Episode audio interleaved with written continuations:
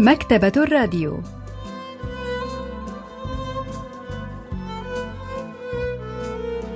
أهلا وسهلا بكم في حلقة جديدة من البرنامج الأسبوعي مكتبة الراديو الذي نستعرض من خلاله كتابا جديدا كل أسبوع.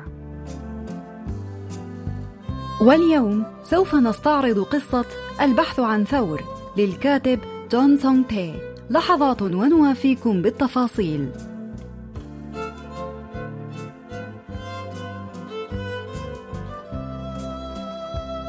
استطعنا الحصول على ثيران ثلاث مرات فأبي مزارع ماهر رغم عيوبه. البحث عن ثور هي قصة قصيرة نشرت عام 2000 وهي تدور في مجتمع ريفي في سبعينيات القرن الماضي. وكانت الثيران من الثروات المهمة للمجتمعات الريفية في ذلك الوقت. وتعرض القصة الخلافات والحب بين بطل القصة دونغ مينغ ووالده من خلال قصة ثور. كان لأبي عدة عيوب كمزارع وأهمها كان أنه لا يملك مزرعة.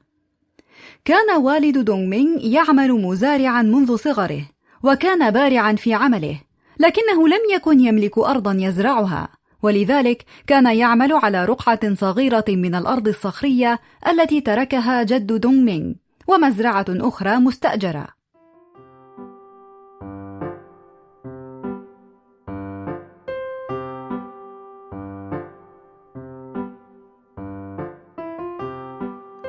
لما يقوله أهل القرية فإن ما يعيب أبي هو أنه كان يعامل الزراعة كفن. عندما كان يحرث الأرض لم يكن يسمح بأدنى تعرج. وعندما كان يزرع حبوب الأرز كان يمسك مجرفته ويسوي الأرض وهو جالس على ركبتيه. ولهذا كانت أمي تتشاجر معه طوال الوقت. كانت تقول هل تبني بيتا؟ إن الآخرين ليسوا كثير التدقيق مثلك لكن محاصيلهم أيضا تنمو جيدا.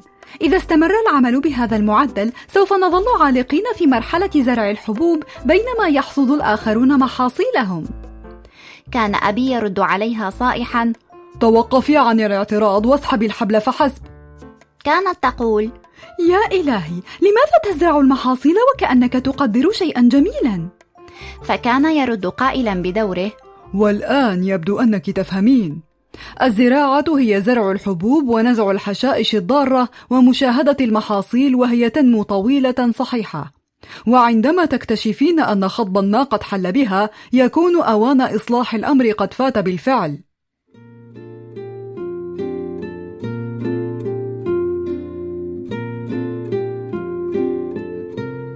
كان أبي دائما يغضب أمي بهذه العبارات كانت حقولنا تبدو منظمة للغاية وكأنها مزارع مثالية نموذجية يشرف عليها مركز التدريب الزراعي كان أبي يحب مشاهدة محاصيله وهي تنمو كما كان يقول كان أهل القرية يرددون أن والد دونغ مينغ يعامل الزراعة بوصفها فن. البروفيسور بانغ مينو أستاذ الأدب الكوري بجامعة سيول الوطنية يحدثنا عن ذلك. 우리가 어떤 직업을 가졌을 때 그 직업이 갖는 일의 의미와 가치 때문에 나는 말 야스밥 샤타. البعض يعمل لأن العمل الذي يقوم به يمثل له قيمة ومعنى معين بينما يعمل البعض الآخر لأن وظائفهم تمثل لهم مصدر للدخل فحسب لا أكثر ووالد الروائي في القصة يعامل الزراعة وكأنها فن فهو يحب المحاصيل والمزارع ويستمتع بكل مرحلة من مراحل الزراعة.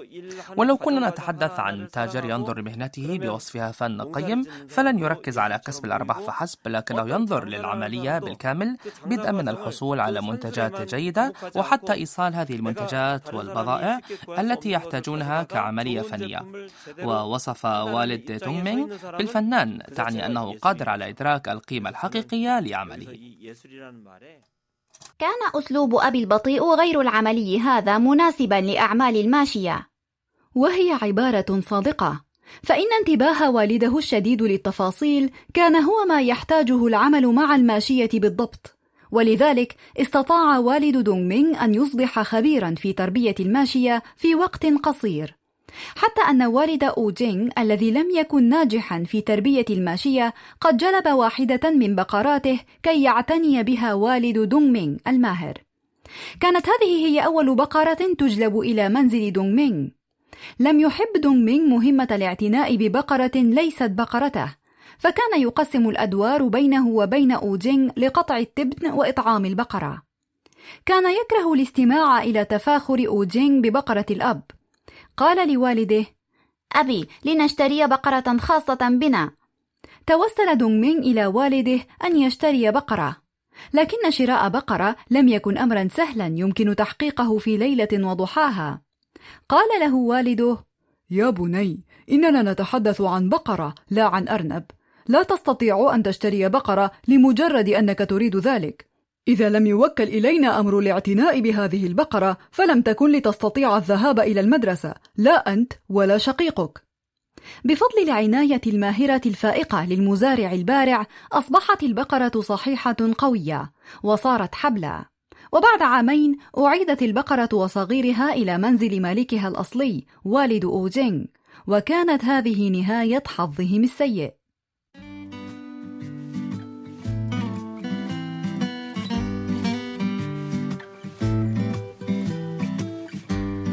كنت في الصف الثالث الابتدائي حين أتى ثور إلى منزلنا للمرة الثانية.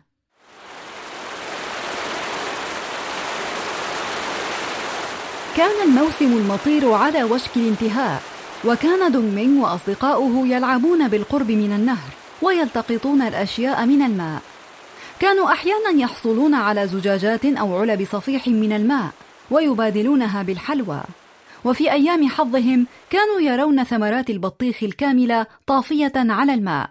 ثم حدث أن سمعوا صوت مواء ثور من مكان قريب ذات يوم.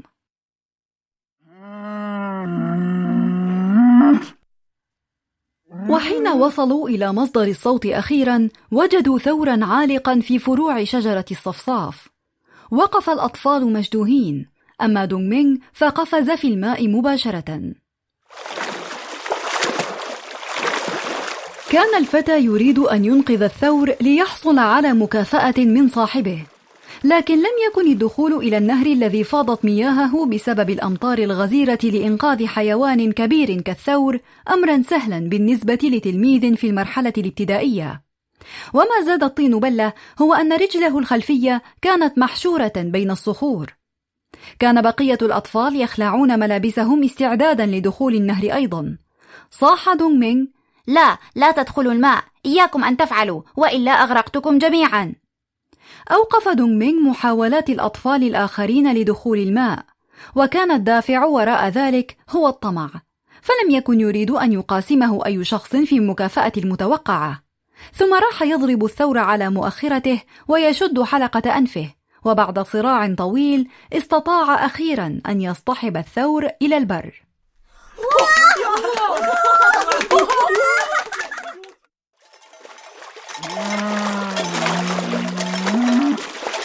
سأل دونغ مينغ ثور من هذا؟ أجاب أحد أصدقائه. لا أظن أنه ثور أي من سكان القرية.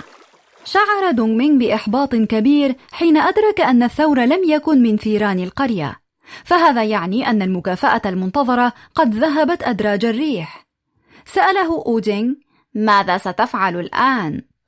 كانت ابتسامة أوجينغ الساخرة تشي بما شعر به من سرور لفشل دونغ مينغ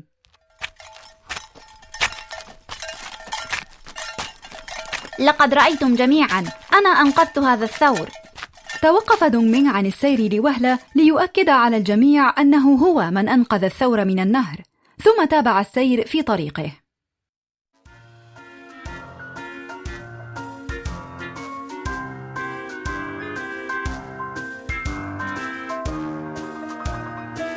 عندما وصل دونغ مينغ إلى منزله أدرك أنه وجد ثورا. صاح. أماه فتحت والدته الباب وبدأت في توبيخه. أين كنت؟ كان يجب أن تكون في المنزل بحلول موعد تناول العشاء. يا إلهي ثور من هذا؟ ماذا حدث لك؟ أنا لم أرك تتطوع لإنقاذ الثيران من قبل. قال دونغ مينغ لقد وجدته. لم يستطع الصبي أن يمنع ابتسامته فدمعت عيناه من السعادة. لكن الموقف لم يسر كما كان يتمنى.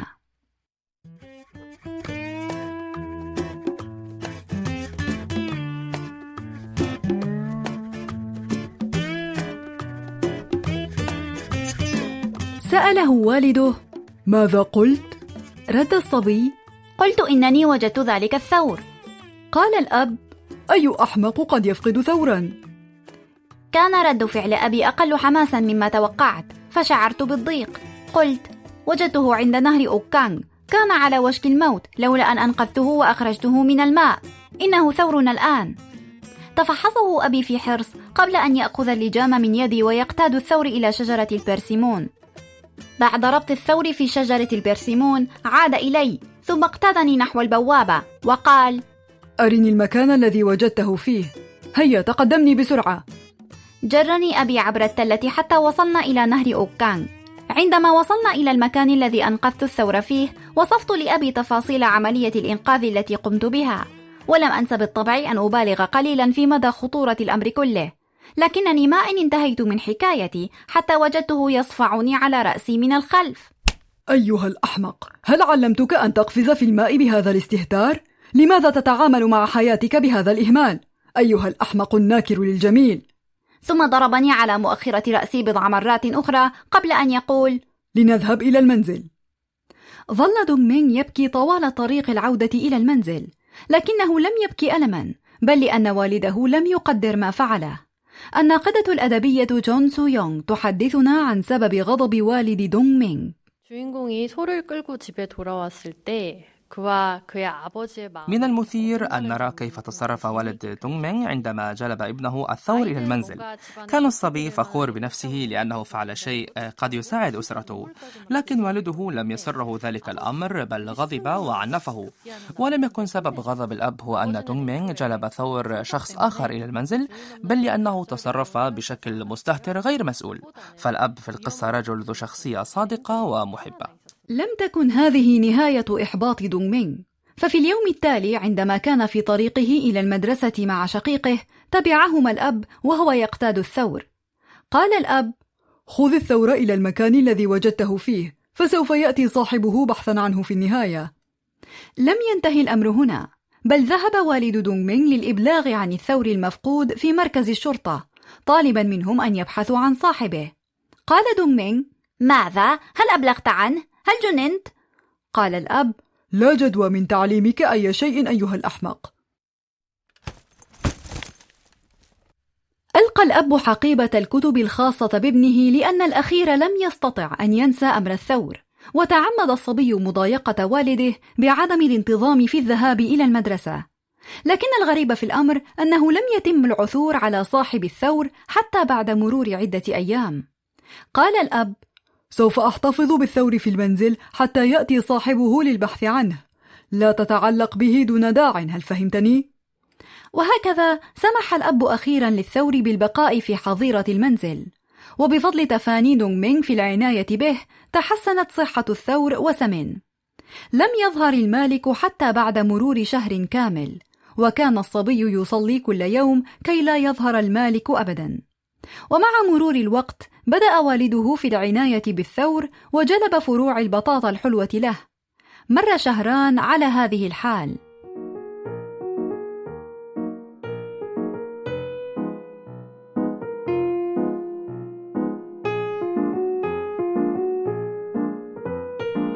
مع مرور الوقت أخذ والدي مكاني. كان يوقظني في الصباح لأجلب للثور الطعام. وكان يغضب مني إذا اقتدته ليرعى عند السد حيث الأعشاب الرديئة. لم يكن يعد العلف ليلا ونهارا فحسب بل كان يشتري العلف غالي الثمن من البلدة. وفي يوم من الأيام وجدت شيئا يشبه زلاجة ضخمة في الفناء عندما عدت من المدرسة. كانت أداة زراعية تستخدم لتسوية الأرض بعد الحرث. وتعجبت حين رأيت حجر طاحونة فوقها. سألت والدي أبي ما هذا؟ قال أبي لم لا تصعد عليها؟ سوف أدرب الثور على حرث الأرض. ثبت أبي الأداة الزراعية وراء الثور وظل يقتاد الثور حول البلدة طوال الأيام الخمسة التالية تاركا سحبا من الغبار وراءه أينما سار.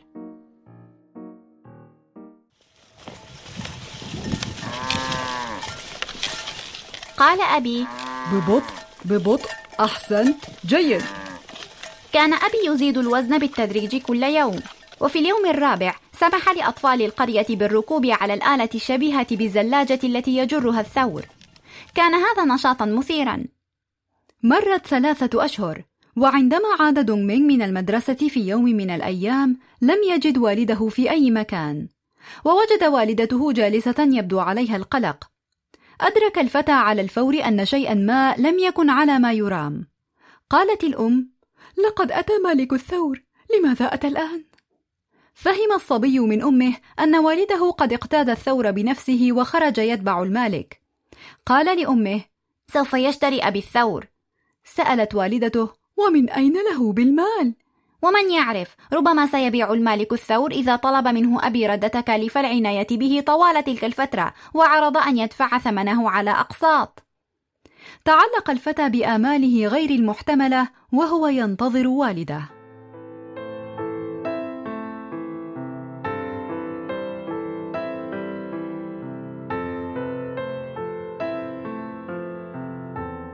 عاد أبي ليلا عندما توسط القمر السماء.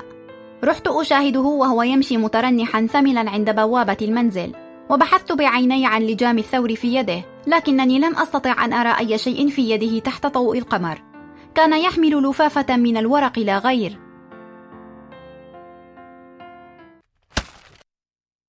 ألقى أبي اللفافة على الأرض ثم سار إلى حيث شجرة البرسيمون وهناك انهار كجذع شجرة.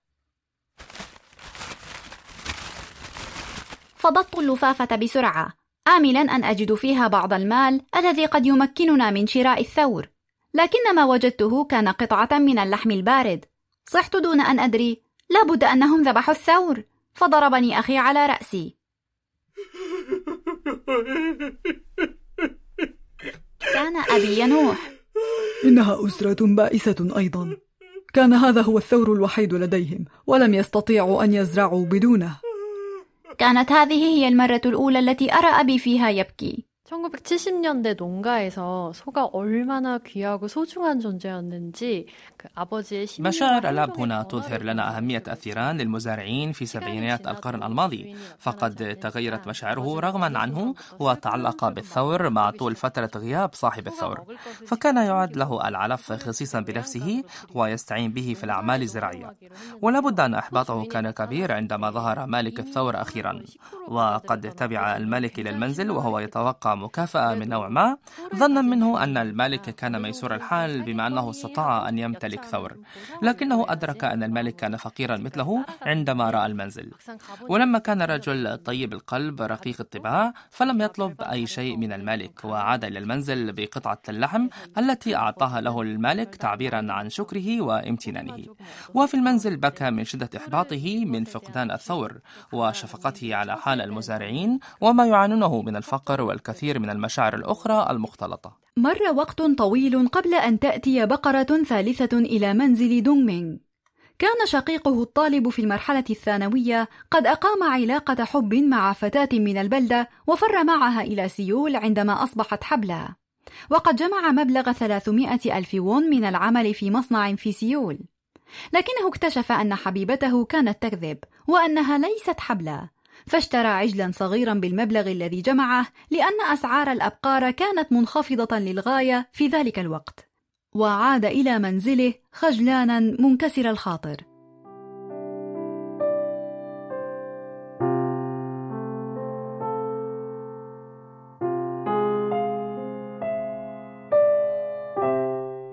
قال أبي انظر لدي حفيد غير مرغوب فيه. حفيد عجل. ظل أبي يزمجر أمام الحظيرة لعدة أيام لكن البقرة الصغيرة نمت وولدت بقرة صغيرة أخرى.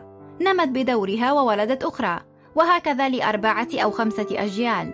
والآن تحتل البقرة التي ولدت كل هذه الأجيال مركز الحظيرة وأبي يستمتع بتربيتها. قال أبي لا أستطيع أن أقاوم الشعور بالحب تجاه هذه البقرة فلقد تحملت عبء تعليم ولداي ولم أضطر أنا لفعل أي شيء. 제주도에서는 귤나무가 자식들을 가르칩니다. 그게 다 돈이 됐어요. هناك مقولة كورية تفيد أن الآباء في جيجو يربون أطفالهم من الأموال التي يجنونها من زراعة أشجار اليوسفي. وهذا هو الدور الذي يقوم به الثور في المجتمعات الريفية فالثيران هي رمز المجتمعات الزراعية. وهذه القصة تستعرض أهمية الثيران ومشاعر المزارعين الكوريين تجاهها.